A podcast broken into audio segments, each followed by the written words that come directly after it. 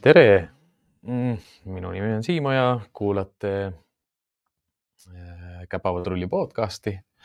olen Siimo ja kooli arendus- ja koolitusjuht.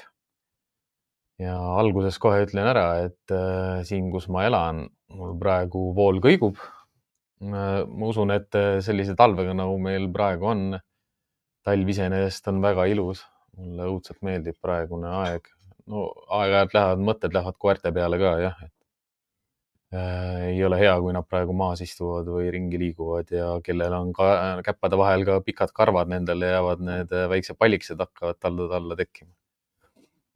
et on äh, ilus vaadata, aga ei ole võib-olla kõigile nii mugav jah, nagu ma kujutan ette, nagu esmastel koerte omanikel on tihtipeale see ka, et kui see esimene talv kätte jõuab, et kuhu nad nüüd siis kakavad ja pissivad, noh, ütleme see pissimisega on lihtsam, aga kui on vaja sellise kõrge lume sisse kakale minna, et siis juba jälle paneb nagu kukalt sügama, et mida, mida ma teen ja kuidas edasi. keegi võiks mulle siia äh, live vestlusesse märku kanda, et kas te kuulete mind hästi. et ma vahetasin täna mikrofoni ja ma ei ole selles nagu sada protsenti kindel Äh, tänane teema siis jah, mille ma valisin, on äh, tere, Enge. ühesõnaga, ma saan aru, et, et kuuleb. Äh, valisin sellise teema nagu sõna on jõud. Engega vestlesin ka sellel teemal tegelikult, kus see, kus see mõte tuli ja, ja noh, ma näitan, kes ei tea jah, siis on olemas selline raamat nagu Sõna on jõud Äh, ja see on, see on selline kokkuvõte siis Ülo Vooglaidi ööloengutest, mida ta ööülikoolis raadios nagu ähm, noh, ette kandis, ütleme siis niimoodi, oma mõtetest rääkis ja need äh, mõtted on siis kogutud siia raamatusse, need on aastast äh, kaks tuhat üks kuni kaks tuhat seitseteist. ja see oli, see oli üks selliseid esimesi raamatuid, mis mind ülikooli ajal nagu juhtis Äh, mõistma seda, et äh, milline võim on äh, sõnal ja milline jõud on sõnal ja mida üldse võim tähendab ja, ja noh, see raamat on, ta esimene peatükk on pühendatud rohkem sellisele uurimustöödele ja, ja mis, milleks, milleks üldse teooria, miks metodoloogia ja miks metoodika ja mida need, mis tähendab meetod, metoodika ja metoloogia nagu kokku, et sellisele alu, alustavale üliõpilasele, kes peab noh ütleme, minu põlvkond, kes on sündinud kaheksakümnendatel, meie, meie põhikoolis ja, ja, ja keskkoolis ei teinud uurimustöid ega, ega ei kasvanud ka varvast nagu väga niimoodi sisse sellesse temaatikasse. tänapäeval on palju levinum see, et juba algklassides alustatakse vaikselt selle uurija, uurija pilgu vaatega, mis on väga hea ja tervitatav igati, sest noh, see ennastjuhtivus on oluline ettevõtlikkus mitte ettevõtja mõttes, vaid just see ettevõtmise mõttes, äh, mis läks ka minu, minu silmis nagu just nendel esmastel äh, hariduspoliitilistel nagu muudatustel hästi palju kaduma ka koolidest oli see, et, et ettevõtlikkuse all ei mõelda seda, et nüüd arendage kõik endale alustava ettevõtja programme koolides ja hakake õpilasfirmadega tegelema. vaid see, see läkski mööda selles suhtes, et tegelikult peaks tegelema sellega, et õpetama lapsi ennast juhtivaks, ehk siis nad saaksid elus hakkama ja oskaksid ette võtta erinevaid asju, mis neile huvi pakuvad, oma talente ja oma oskusi avastama. ja see teema, miks, miks sõna on jõud, on minu, minu jaoks olnud kogu aeg nagu päevakajas, ongi sellepärast, et äh, mulle meeldib raamatuid lugeda, ma loen raamatuid ja ma loen pigem nagu teadustekste Mm, artikleid ja, ja teadustekste ja pigem ikkagi rohkem ka selliseid asju, mis on nagu koertega seotud. ja mis mind nagu Eesti maastikul kõige rohkem häirib või segab, ongi see, et äh, kuigi Eestis on äh, Eesti inimeste poolt ka kirjutatud koerte raamatuid või koerte valdkonna raamatuid, siis need alati ei põhine teadusel või nad põhinevad sellisel teadusel, mis on äh, kellegi arvamusi edasi andev või kellegi seisukohti toetav. Mm, noh, seda iseloomustatakse niisugune nagu confirmation bias ehk siis inimesed, kellele hakkab mingi teatud valdkond või teatud teema või teatud teemasuund meeldima, siis nad hakkavad ka järjest rohkem ennast selle ümber koondama ja, ja, ja uurivad seda ja kuulevad seda ja, ja panevad tähele rohkem selle sisulisi nagu sisendeid, mida antakse. Mm, hea, hea viis, kuidas äh, nii teadusuuringutes kui ka sellises populaarteaduslikes uuringutes nagu ennast nagu maa peale tuua, ongi see, et niisugune asi on olemas nagu Google Scholar on selline asi nagu ResearchGate ja nii edasi. ja nendes saab vaadata seda, kui palju on mingile tööle, mil, kui palju on mingeid teadustöid edasi viidatud, ehk siis see, et kui relevantseks on peetud selle teadustöö nagu uurimustulemusi. ja ma pean seda just nagu koerte valdkonnas äärmiselt oluliseks, sest äh, mida meeldib nagu meedial teha ja, ja, ja sellisel populaar, populaarmeedial või ütleme, sellel populistlikul meedial on see, et võetakse üks uurimustöö ja siis lastakse selle pealt nagu artikkel välja. Ja tõlgendatakse seda nagu nii-öelda, ütlemegi nagu layperson või tavainimesele justkui nagu absoluutse tõena. et nüüd nii ongi ja nüüd nii jääbki ja, ja, ja, ja nii peabki olema, mis on mis on tore ja meelelahutav, aga mis on äh, koertele liigina äärmiselt kahjustav. Sest noh, põhiline erinevus, mis inimeste ja koerte vahel on, ongi see, et inimesed on ratsionaalsed, koerad on reaktiivsed, nad ei ole, nad ei suuda, nemad ei loe neid uurimustulemusi, nemad ei pane konteksti endale mingeid asju, et ema õpetas või ema siis, kui ma väike olin, siis luges mulle ette või ma koolis õppisin. Et äh, koeri kahjustab väga palju see, kui inimesed hakkavad tõlgendama nende käitumist ja nende psühholoogiat ja nende mingeid arusaamasid ja nende käitumismustreid kirjeldama lihtsalt äh, mingite selliste eksperimentide najal, mis on äärmiselt subjektiivsed nii, nii inim, inimvaatleja poolest kui ka koer esitleja poolest, ehk siis äärmiselt äh, tähelepanelik peab olema seda, et milliseid tõuge sa valid, millisest perest sa neid katsekoeri võtad ja siis kuidas sa neid aklimatiseerid ja, ja mida sa uurid siis ja kas sa suudad nagu sellele uurimuskontekstile panna juurde ka selle koera olemuse ja temperamendi ja, ja tõust tulenevad eripärad ja, ja, ja kas sa saad kas sa saad üles ehitada sellist, sellist uurimuseksperimenti, mis tegelikult ükspuha millise koeraga annab vägagi sarnase tulemuse ja see ei, see ei anna sulle tegelikult seda koefitsienti, mis on see minimaalselt null koma kolm. ja sa teed, sa teed ikkagi selle uurimustöö ära, sa vaatad seda läbi oma selle prisma, kus sa otsid mingit kindlat vastust. sa oled ennast põgusalt äh, kurssi viinud sellega, mis on nagu sinu hüpoteesi vastand või sinu hüpoteesi paralleel. ja sa sõnastad ka oma tulemuse lihtsalt oma hüpoteesi paralleelist lähtuvalt. noh, mida, mida ma kõige rohkem praegu siis nagu silmas pean, on kõik need uurimustööd, mis on tehtud siis treeningmeetodite kohta või siis treeningmeetodite noh, positiivsete negatiivsete tulemuste kohta, nende mõjust koera stressile, üldisele õppimiskiirusele ja nii edasi ja nii edasi, et noh, võib täitsa vabalt ju öelda, et jah, ma oma karjääri jooksul olen lugenud erinevaid uurimustöid ja ükski ei jookse mööda külge maha. mida ma enda juures nagu tähele panengi, eriti kui ma ka raamatuid loen, on ka minu selline bias ehk siis, kus ma nagu pooldan, pooldan mingeid asju, otsin mingeid asju, aga mida ma näen on see ja tajun ja tunnen, on see, et kui ma loen, siis ma samastan seda oma kogu oma kogemuse ja lugemuse ja teadmusega. mitte noh, üks lause on minu jaoks väga huvitav, noh, ma loen ühe lause raamatust ja see on minu jaoks väga tähendusrikas, see tuletab mulle meelde minu elusündmusi, koer, koeri, erinevaid kliendikoeri, oma koeri, õppimist, treenimist, koolitamist et ta muutub nagu selliseks maailmaks juba, kus sa raamatut lugedes oled teises maailmas. ja mida ma selle Sõna on õigus nagu esimese, esimese lehe pealt tahangi nagu teile lugeda, on üks äh, lause või üks mõte, mis Ülo Vooglaid siis ütleb. Äh, siinkohal ma kindlasti tahan nagu öelda seda, et äh, ma ei ole kuidagi nagu üle, Ülo Vooglaidi kõikide mõtetega nõus ja ka tema maailmavaadete ja ühiskonnavaatega nõus.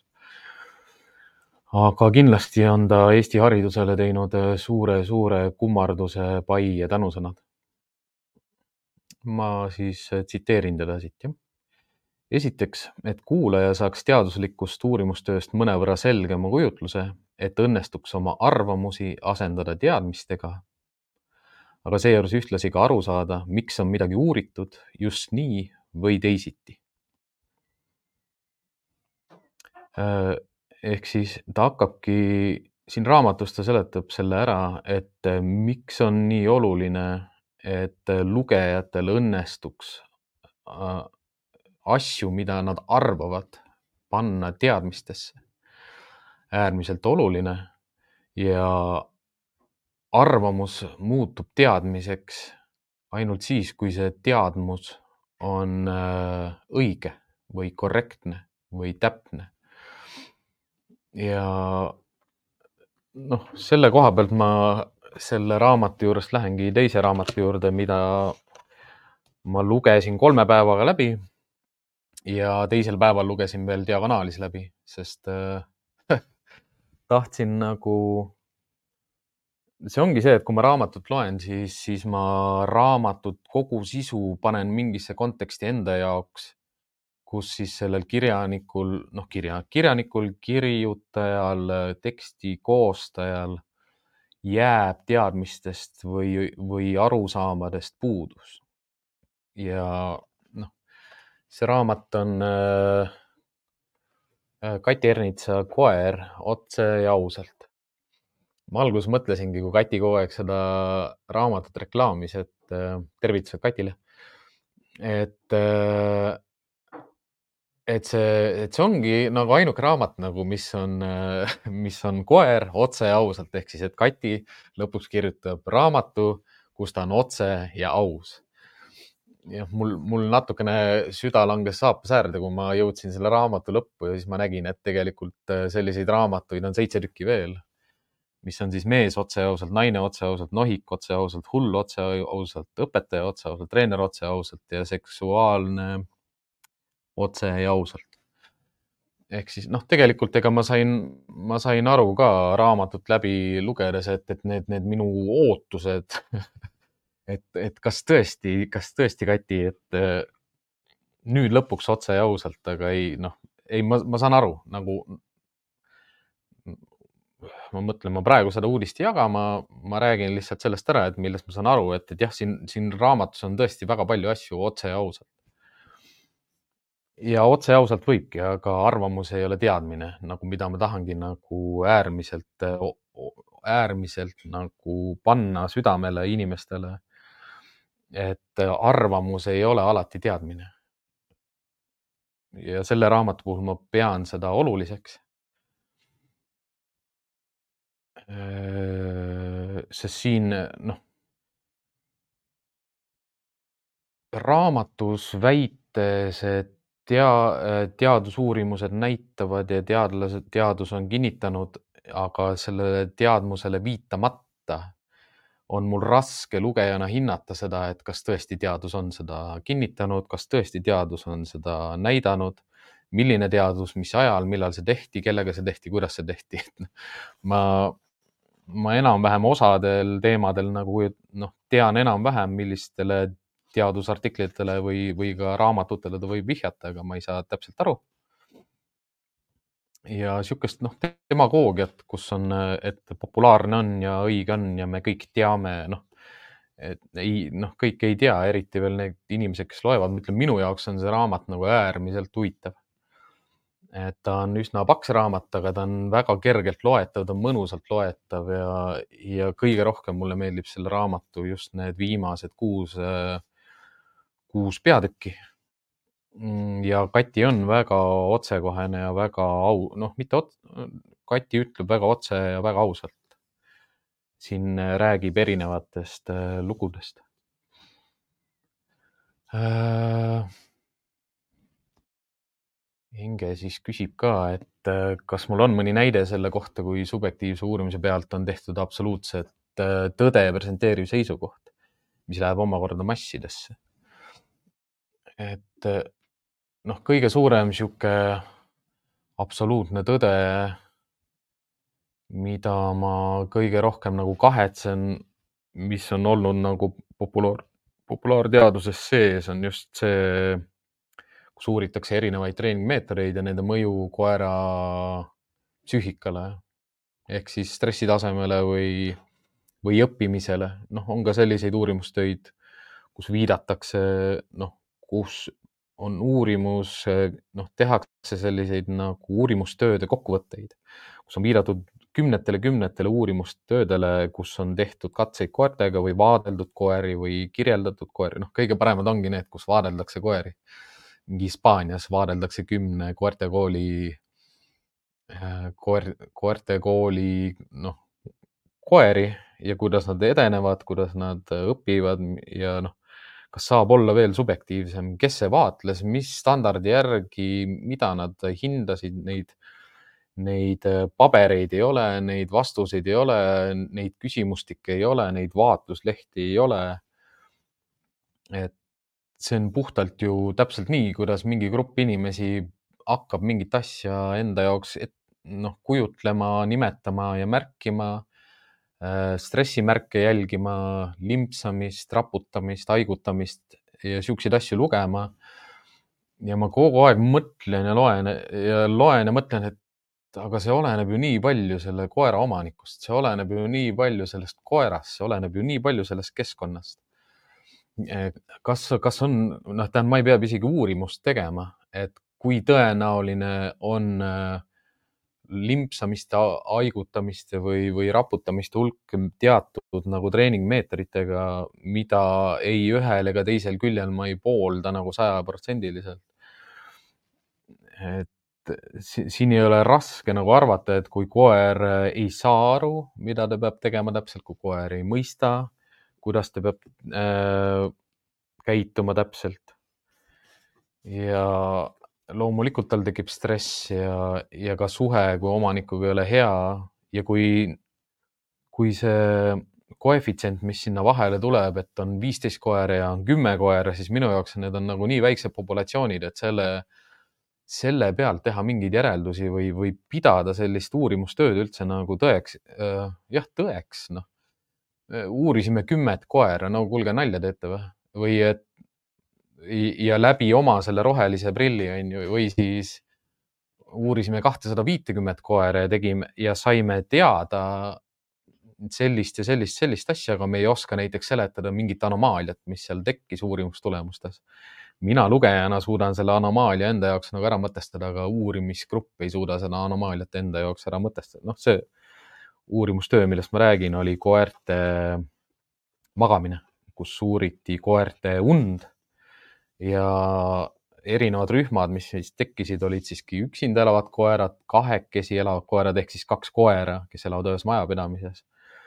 aga ei täpsustata tihtipeale seda, et millises majapidamises, kui palju neil on vaba ruumi, kas nad ööbivad puuris, pesas või mingis väiksemas ruumis, et ehk siis hästi palju selliseid keskkonnalisi muutujaid jäetakse kirjeldamata ja saadakse tulemuseks seda, et kuigi äh, noh, selline mõjuv äh, koefitsient, mis on siis koerte une ajal on nagu kuusteist tundi päevas.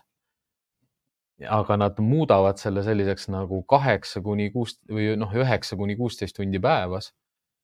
ja ei seleta sinna juurde ära, et äh, millises keskkonnas need koerad elavad, millised magamistingimused neil on, milline majandamine neil hommikust õhtuni on.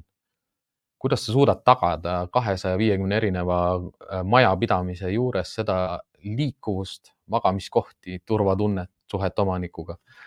et äh, noh, siin tulebki nagu selline sihuke minu jaoks nagu hästi suur miinus välja, et uurimustööd ei saa ju hakata hüpoteesi püstitama selliste teadmiste pealt, kus sa ei ole isegi teadlik nagu tões või, või, või sul ei ole meeskonnas sellist inimest, kes saab öelda juba, et sellel ju ei ole mõtet, seda ju ei ole mõtet uurida.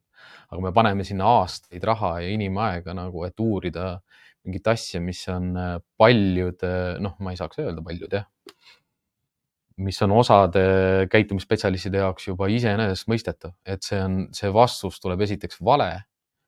ta tuleb maksimaalses piiris õige, aga ta sisaldab valet, sellepärast et äh, vale tekib selle ambivel-, noh, nii-öelda puuduliku eeltöö tõttu tuleb see vale sisse.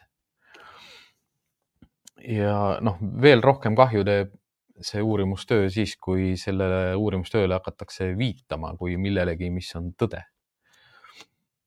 Mm, noh, ma, ma usun, et ma ei hakka nagu neid äh, uurimustööde viiteid äh, siia äh, Youtube'i tead-, sinna teade, noh, tea, noh, kuidas seda kirjeldatakse, mis seal all on, need teated või, või teave video kohta, et ma ei hakka neid sinna lisama, sest äh, sellest ei ole noh, nii-öelda nagu tavalugejale mingit abi, kui ta ei suuda tõlgendada äh, lausete sees olevat, tere, Kairi! äh,, lausete sees olevat nagu tõde või, või sellist nagu puudujääki, mis, mis, mis jookseb nagu sisse mis mulle, mis mulle paberraamatute puhul just meeldib, on see, et ma saan siia nagu sodida.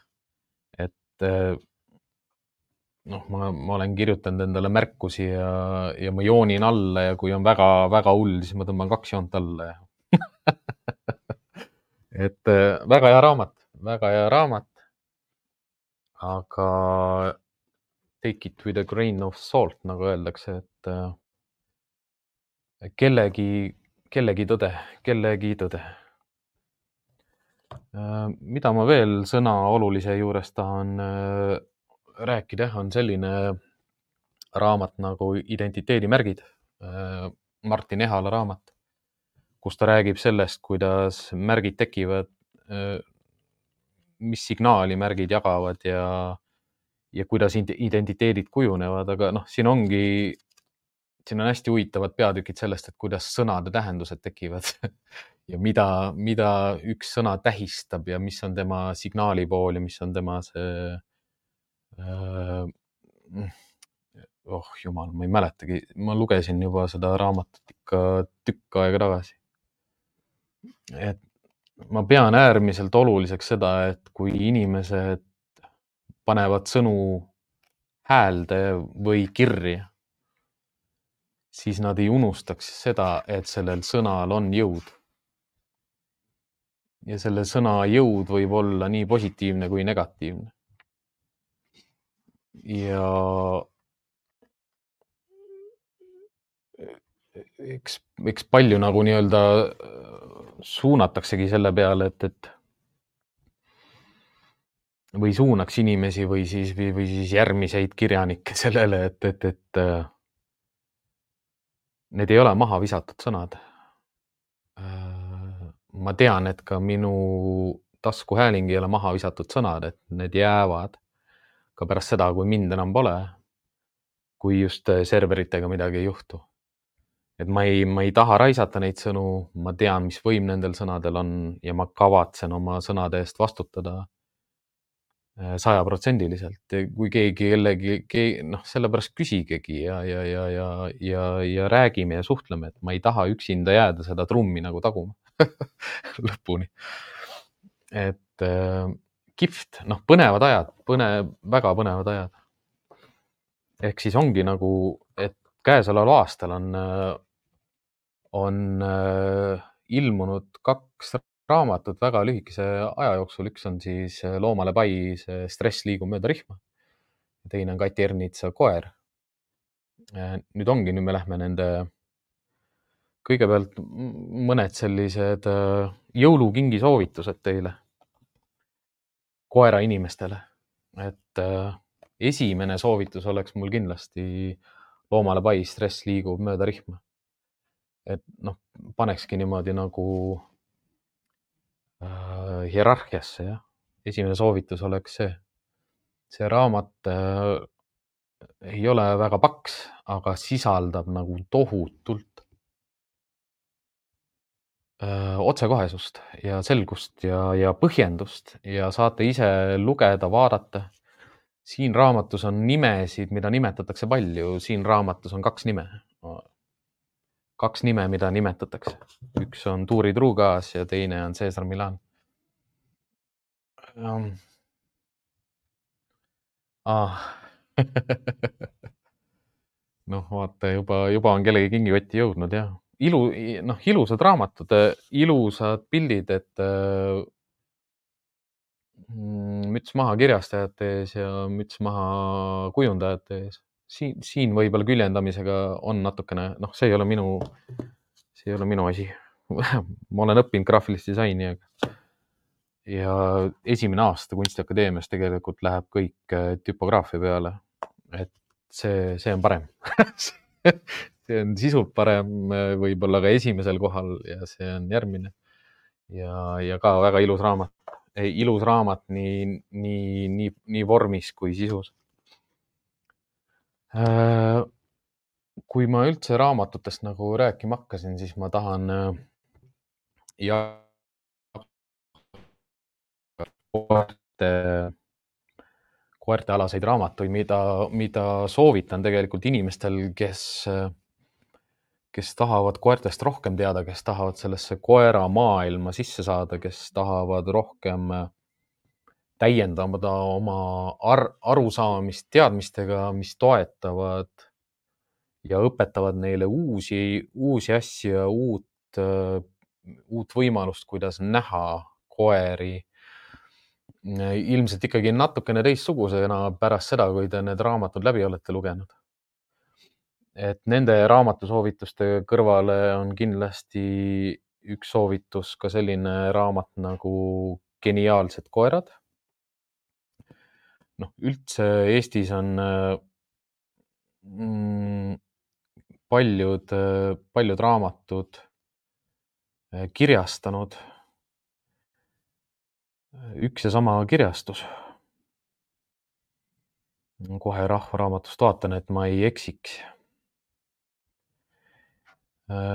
geniaalsed koerad on äh, selline raamat, mida ma lugesin sellel ajal, kui ma koolitasin oma teenistuskoeri ja tahtsin järjest rohkem teada saada, et, et miks mu ühel koeral on selliseid nagu ärevusmärke hästi palju ja kus siis nende see tarkus nagu seisneb, et ma õpetan neile iga päev nagu erinevaid trikke ja asju ja nad nagu õpivad kiiresti ja, ja aga miks ja kuidas ja sellest nagu tahtsid nagu palju, palju, palju aru saada, et geniaalsed koerad on jah, sellise Brian Hare'i ja Vanessa Woodsi kirjutatud raamat. ja seletabki seda, et milles, milles avaldub nagu koerte tarkus. ka raamat, mida mida koerasõpradele kinkida, sest oo, äh, Lea Tummeleht tõlkis selle raamatu, väga äge. ja see kirjastus on jah, tänapäev, tänapäeval on, äh, tänapäev on äh, tõlkinud ja kirjastanud päris mitu sellist raamatut, mis võib-olla ei oleks Eesti lettidele jõudnud Eesti inimesteni. kui kuskil keegi, noh, ma, olen tõesti südamest tänulik nagu kes iganes ütles, kes oli see juht või juhtival kohal inimene või toimetaja, kes, kes ütles, et tõlgime ja, ja, ja hakkame müüma.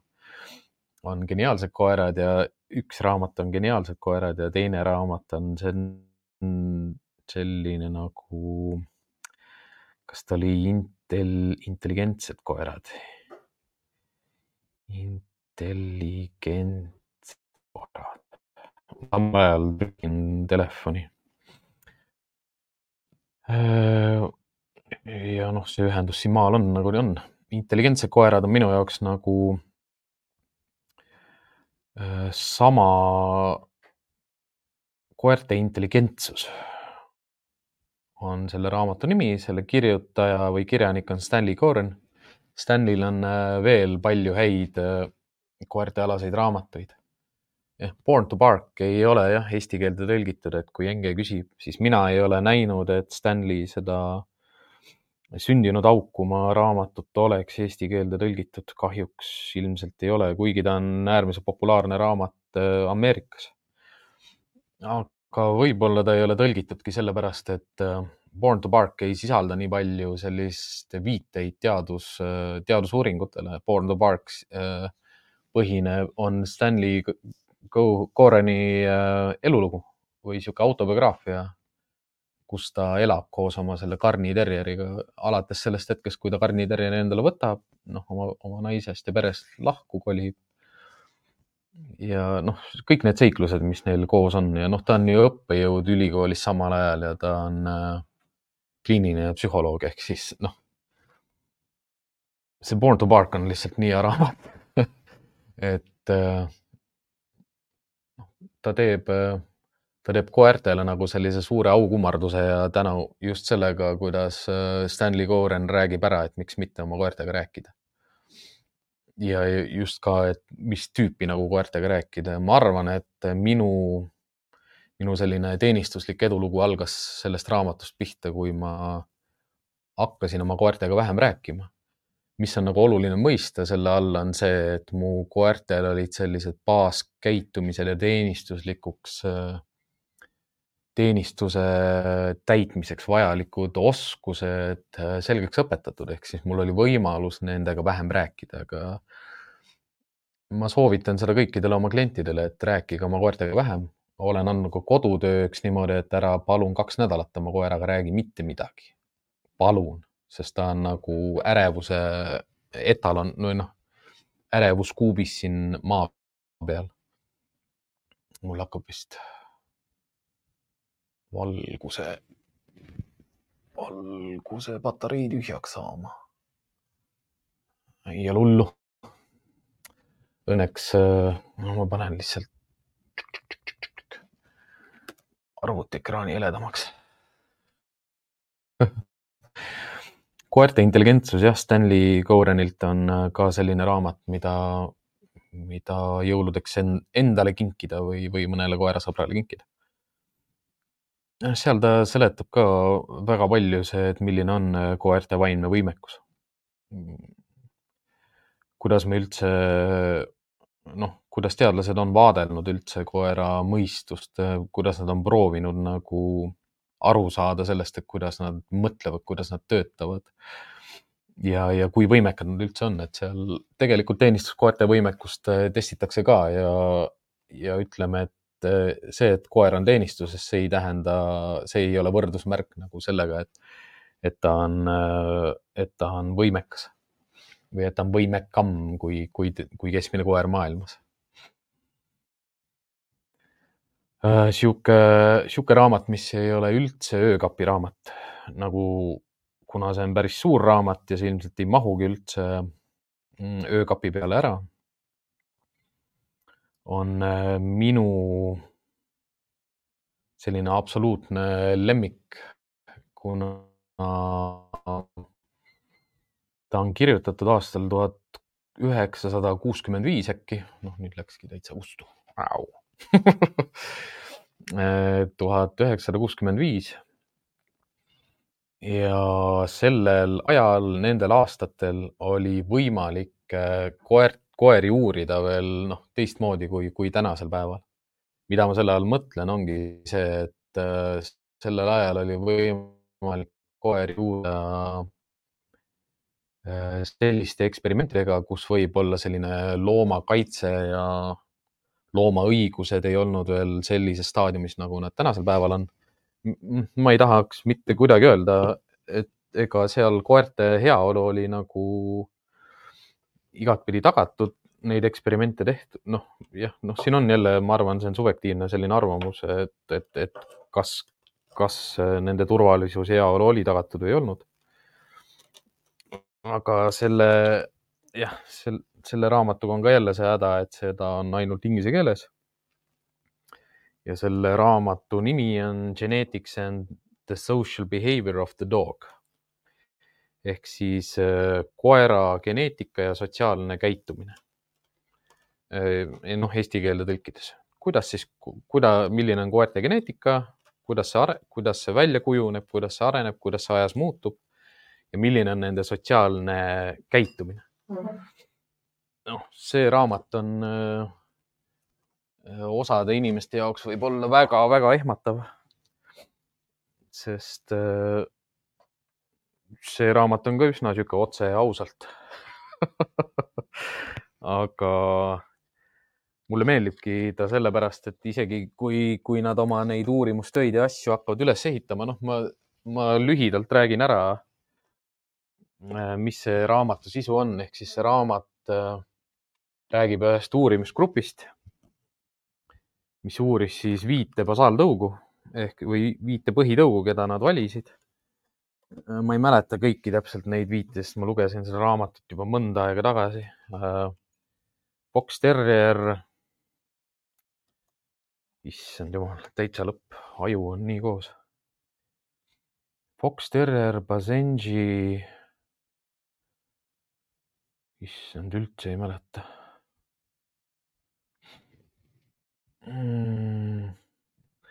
viis basaaltõugu ja põhitõugu, nad äh, tegid nendega selliseid eksperimente, et äh, nad kasvatasid neid üles sellistes aedikutes kus osade saadikutes koerad puutusid inimestega kokku, teistes saadikutes koerad ei puutunud inimestega rohkem kokku kui ainult söögi andmise ajal. ja kolmand-, üks saadik oli selline, kus koerad puutusid inimestega igapäevaselt kokku ja tihti. Ja nad jälgisidki seda, et, et kuidas koerad arenevad, kuidas nad mõistavad, millal nad kodustuvad ja nii edasi, edasi. raamat on nagu nii põnev sest see raamat on, noh, ta on paks raamat ja ta on hästi sisu, edukas ja ta kirjeldab, noh, ta kirjeldab kõike. kuidas, kuidas nad eksperimendid üles seadsid, kuidas nad koeri vaatlesid, mida nad avastavad oma uurimuse nagu nii-öelda ülesehituses, miks need standardid on valed, kuidas nad oma küsimustikke muudavad, kuidas äh, kuidas teadmiste nagu kvaliteet paraneb ajas, sellepärast et need, kes on vaatlejad, nende oskused paranevad ja sellepärast ma tihtipeale naeran nende lühiajaliste uurimustööde peal, kus vaadeldakse lühikese aja jooksul mingeid koeri, mingeid inim-, noh, me ei tea, kes vaatab, me ei tea, mis oskused neil on, me ei tea, milline väljaõpe neil on. Isegi selle uurimustöö puhul, kus inimesed istusid nagu päevi lihtsalt, noh, päevi, aastaid postide otsas, vaatasid koeri ja tegid ristikesi paberi peale e, e, erinevatesse lahtritesse, et noh, esimesed uurimustööd, mis tulid ja tulemused tulid, olid ka noh, täiesti arvestatavad, aga, aga märgati lihtsalt hiljem järgmiste uurimustööde või siis nii-öelda andmete kogumisel või andmeanalüüsil selgus seda, et, et vaatlejate oskused lähevad paremaks, ehk siis küsimus ei olnud ainult selles, mida koerad teevad ja kuidas nad teevad, vaid ka vaatlejad tegid asju paremini ja oskuslikumalt. ja see on, see on, see on niisugune koer, mida ma ei soovita sihuke kohe, sihuke raamat, mida ma ei soovi, soovita paljudele inimestele. aga ma olen soovitanud inimestele, kes on läbi minu soovinud saada ka siis nagu koerte käitumisspetsialistiks või oma teadmisi rohkem laiendada koerte osas. Et ta on, ta on sellisele fanatile või, või tõsisele nagu huvilisele, kes, kes tahab koerte käitumise kohta rohkem teada. on siis selline raamat jah, nagu mm, Genetics and the social behavior of the dog Äh, ma ei soovita täna ühtegi Caesar Milani raamatut, mm, sest minu jaoks äh, Caesar Milani raamatud on koerte käitumisspetsialistidele. mis tähendab minu jaoks seda, et, äh, et sa pead koeri mõistma, enne kui sa hakkad neid raamatuid lugema, sest tihtipeale tekib nendest raamatutest mingi sellist nagu sappi või valet arusaama kuidas koerad töötavad ja, ja miks, miks Milan on, kes ta on. Praegu, kui ma siin oma neid raamatuid telefonis sirvin, siis mul tuli üks raamat veel meelde mis seostub mul sõna on jõud mõttega, on äh, Jürgen Habermassi selline raamat nagu The Structural Transformation of the Public Sphere. ehk siis, kuidas äh, avalik ruum on muutunud ajas just struktuuriliselt, kuidas, kuidas, kuidas sõna, keel ja tähendused, kuidas info jagamine, miks on sellised nagu keskväljakud, miks, miks taotakse jalgadega vastu kasti ja, ja kust on tekkinud selline argumentatsioon ja kõne, kõneoskus? Ja milli-, kuidas see on ajas muutunud ajalehtede, ajakirjandusega, tele, televisiooni tulekuga ja nii edasi? Ta on tõsi, see on tõsiselt nagu põnev ja toetav raamat, noh, igale sotsiaalalal töötavale inimesele. et mõista seda, et, et millises ühiskonnas me elame ja kuidas info liigub ja kuidas seda jagatakse ja mis olulisus sellel on ja kes on need, kes infot jagavad ja mis eesmärkidel nad äh, infot jagavad. aga üks raamat veel. Mm, ja siis lähme edasi veel ühe kingitusega. Ja see raamat on selline nagu Dog Behavior, Evolution and Cognition Äh, see on Adam Mikloosi, Mikloosi raamat. Adam Mikloosi on selline mees, kes on äh, koerandusele teinud nagu ähm, kõige rohkem üldse head. Adam Mikloosi on siis jah, Ungari Eötvösi ülikooli õppejõud. noh, ilmselt ta on ka mingi juba, ma ei, noh, emeriitprofessor ta ei saa olla, aga mingi doktorant on ta kindlasti ja ta on kirjutanud mitu, kaks, kaks väljaannet on tegelikult sellel raamatul Dog Behavior Evolution and Cognition äh, esimeses osas. ta tegi esimese uurimustööde kokkuvõtte ja siis ta sai aru, et tegelikult seda esimest osa on vaja täiendada ja ta tegi sellele teise osa veel juurde. ja see on äärmiselt paks raamat, aga ilus raamat ja väga sisukas raamat. Noh, minu jaoks natukene igav tean kõiki neid asju, mida nad uurivad. minu jaoks ei ole seal raamatus nagu midagi uut.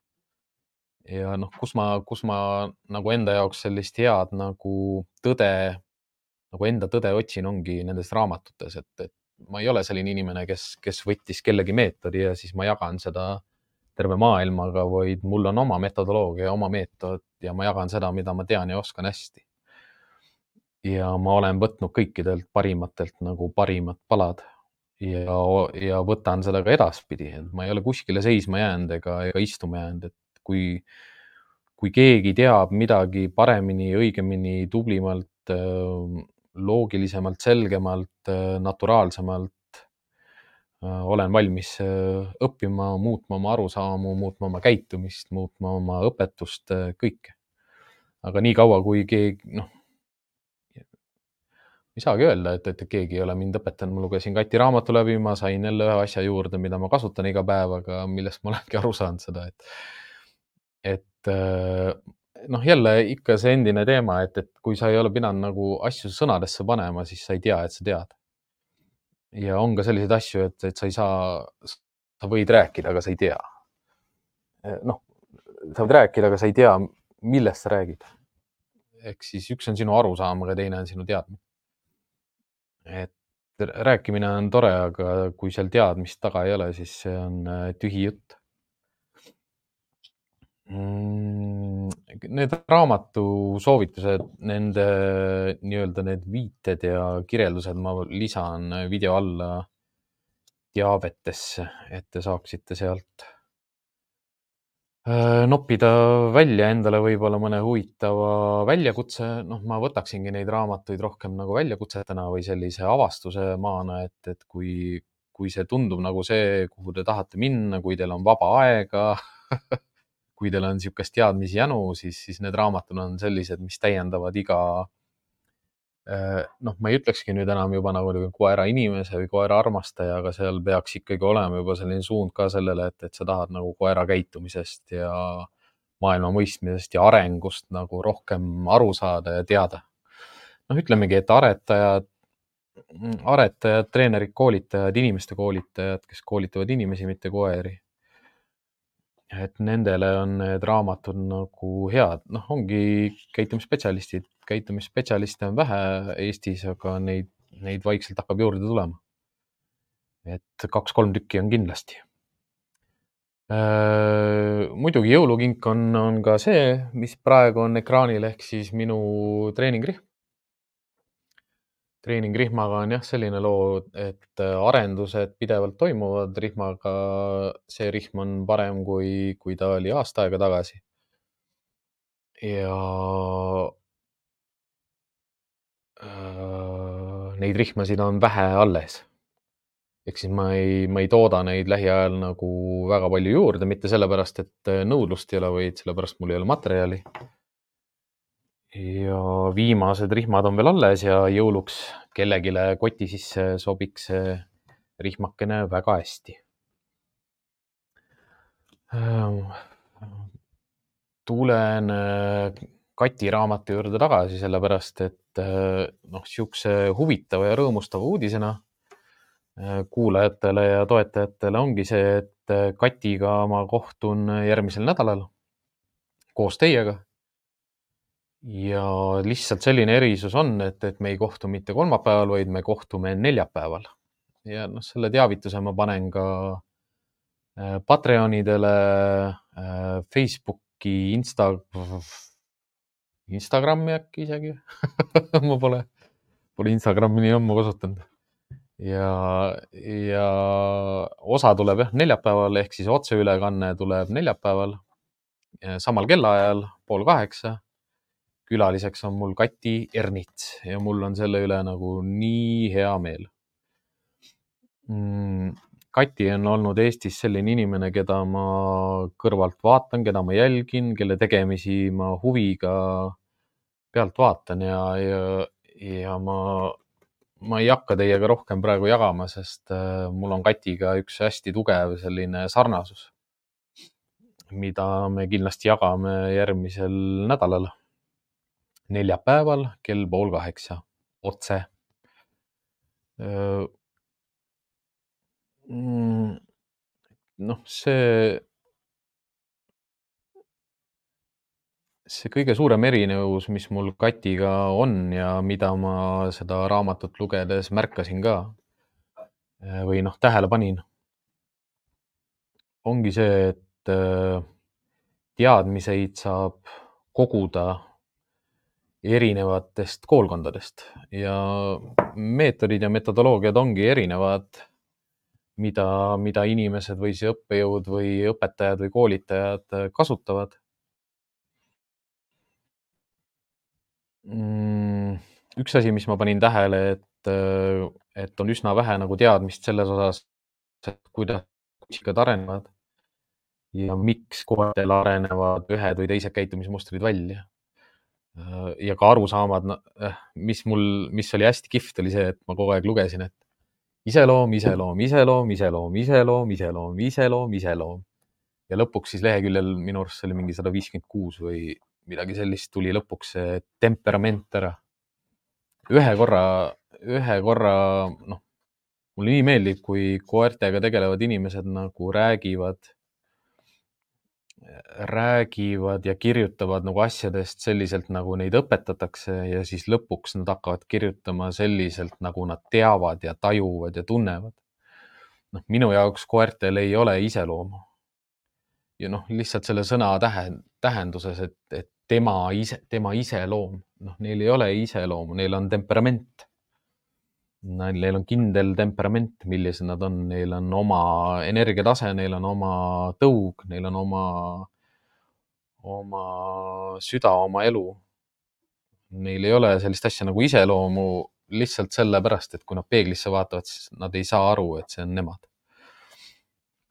et see on nagu väikestel koertel, või väikestel lastel et äh, lastel kujuneb ka välja alles neljandal eluaastal, siis kui nad vaatavad, noh, kui nad ennem seda vaatavad peeglisse ja näitavad, näe, tita, tita, tita, tita, siis äh, kui see klõps käib ära, siis nad vaatavad peeglisse ütlevad, näe, noh, ja tema nimi ehk siis, kui nad lõpuks saavad aru, et see nimi, mida või see häälitsus, mida öeldakse, tähendab teda.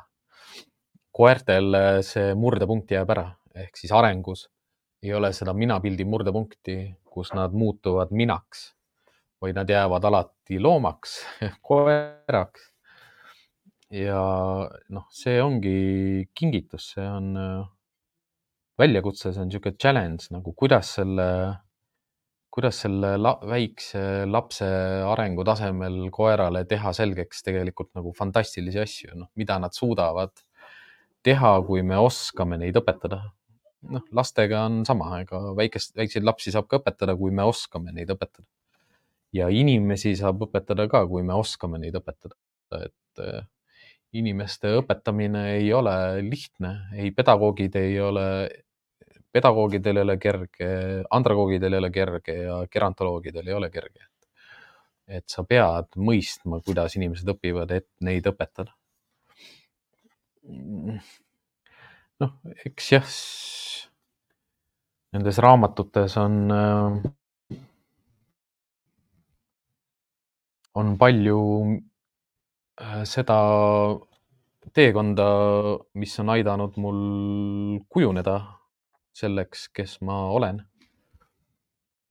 ja nad ei ole mitte kuidagi nagu lahutatud äh, koertest või koerte käitumisest või koerte tegemistest või, äh, või ka teadusest, mis on koertega seotud ja uurimusest, mis koertega tehakse. Ma pean ennast äärmiselt nagu õnnelikuks ja äärmiselt äh, mul on väga palju vedanud, et mu ellu on sattunud just sellised koerad, sellised inimesed äh,, vastuolulisi inimesi, vastuolulisi koeri äh,, selliseid koeri, keda mul endal kunagi ei olnud, kellega koos ma tunnen, et äh, ta võiks ja peaks olema minu oma ja mulle meeldib nende mõlema raamatu puhul äh, just see, et, et nad mõlemad proovivad inimestele ära seletada seda, et koera valimine ja koera võtmine ei tohi ja ei saa olla kunagi lihtne emotsionaalne otsus. vaid selle taga peab olema mõtestatud ja enda jaoks selgitatud äh, ja läbimõeldud sellised põhjendused ja ka need raamatud aitavad neid küsimusi üldse endalt nagu küsida. kuidas, miks ja, ja milline, milline. aga mis mulle veel nagu üldse selles koerte maailmas nagu meeldib, mida ka jällegi mõlemad raamatud ja mina jagan teiega, on see, et te saate selle koera, keda te vajate, mitte selle, keda te tahate. noh, see on äh, Kati ütlus, mina ütlen seda rohkem nagu selliselt, et äh, kõik koerad tulevad siia maailma selleks, et inimestel midagi õpetada nüüd on see meie asi õppida või, või siis vähemalt äh, see, see vajadus või see võimalus ära kasutada, et kui see, kui see loom on mu maailma tulnud, et, et ma kasutan seda võimalust ja õpin mm,. õpin head, õpin halba. Saan, ei saa. et, et ei ole nagu jah, sellist valet. üks pahamillises õppimises ei ole nagu seda õiget ja valet, et kui läheb halvasti, on ka hea, aga oluline on see, et sa õpiksid sellest midagi. kui sa ei tea, kui sa teada, siis oleks halb, kui sa noh, ei, ei muuda midagi või mis sa selle teadmisega nüüd peale hakkad või kuidas sa käitud sellega. et õppimine on, on kihvt ja äge tegevus nii, nii inimestes kui koertes, et seda tuleb mõista mõlemalt poolt. tänane osa jah, selline materjalistlik, võib-olla mitte nii, nii koeri aitav kui rohkem inimestele nõu andev. Aga kes siis veel koeri aitavad, kui mitte inimesed, kes on ratsionaalsed ja teadlikud. et järgmine nädal kahekümnendal siis on selle aasta viimane osa. tahtsingi, lootsingi, soovisin ja Kati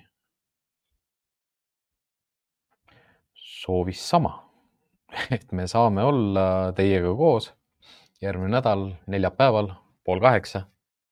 Ja rääkida olulistest asjadest, äh, rääkida väga palju koertest, ma arvan ka ja sellest, kuidas me neid õpetame ja kasvatame. kuidas äh, Kati on õppinud seda tegema ja kuidas mina olen õppinud seda tegema. Ja mis on need erinevused, on täpselt sama, nagu täpselt sama ehk siis äh, ma usun, et nii mina kui teie ootame põnevusega järgmise nädala neljapäeva Äh, ja nüüd pühade kinkide, pühade kinkide tagaajamisel jah, ikkagi äh, ma naeran alati, kui öeldakse seda lauset, et raamat on parim kingitus noh, siis kui sa ütled seda mingi neljateistaastasele poisile, siis ta ei ole väga rahul sellega. aga täiskasvanud inimesed juba äh, mõistavad ilmselt selle sõna noh, sellise sõnakõlksu või sellise sõnajärjestuste nagu tähendust, et, et noh, kui on ka elukogemus selline olnud, et, et kui tõesti see õige raamat sulle kätte satub, et see võib olla täiesti elu muutev. Need raamatud, mis ma täna teiega jala, jagasin, need on minu jaoks olnud elu muutvad. ja ma loodan, et need on ka kellegi teie jaoks elu muutvad. Eriti veel inimesed, kes elavad koertega koos või tahavad koerte kohta rohkem teada. noh, minu jaoks ideaalne maailm on selline, kus kõik inimesed tahavad koerte kohta rohkem teada. sest nad tõesti on meie hingesugulased ja meiega koos elamiseks loodud. ja ka sellest me saame järgmisel nädalal rääkida erinevate, erinevate prismade läbi. Seniks aga jah, aitäh teile kõigile, kes te täna otse kuulasite ja, ja seda rõõmu minuga jagate. Ja küsimusi esitate ja järgmine nädal äh, panen teile hingele, et valmistage küsimused ja hing ja mõte ja vaim nagu ette sellele, et äh, julgen lubada, et kaks sellist nagu Eesti, Eesti mõistes sellist nagu teadmuse kandjat äh, esinevad teile siis laivis järgmisel neljapäeval kell pool kaheksa siinsamas teavitused kes on tellinud meie kanali, need saavad teavituse siis, kui me laivi läheme. ma tavaliselt algust hoiangi natukene niisuguse vaiksemana, et see läheks edasi, et kõik jõuaksid, jõuaksid sisse logida ja noh, mina ka oma ülekande hakata üle kandma, ehk siis vahest võib natuke aega võtta, et, et ta võimsust võtab. Selleks, et see, see teadmine ja, ja kuulmine ja nägemine jõuaks rohkemate inimeste silmadeni, ongi hea, kui te ka kommenteerite ja jagate meie tegevusi ja tellite, vahet ei ole, kas Youtube'ist või Spotify'st või Apple podcast'idest meie kanali teavitused, kui uued osad jälle on välja tulemas. Ja ega siis midagi muud, kui nautige jah, seda ilusat talveilma, mis veel praegu kestab, vaikselt hakkab sulama, aga loodame, et ta täiesti ära ei sula ärge unustage kuuski tuppi tuu, tuppa tuua õigeks ajaks ja, ja näeme järgmisel nädalal ja pidage meeles, et äh, teadmatus ei ole lollus. head õhtut, olge tublid ja kohtume nädala pärast. tšau-tšau.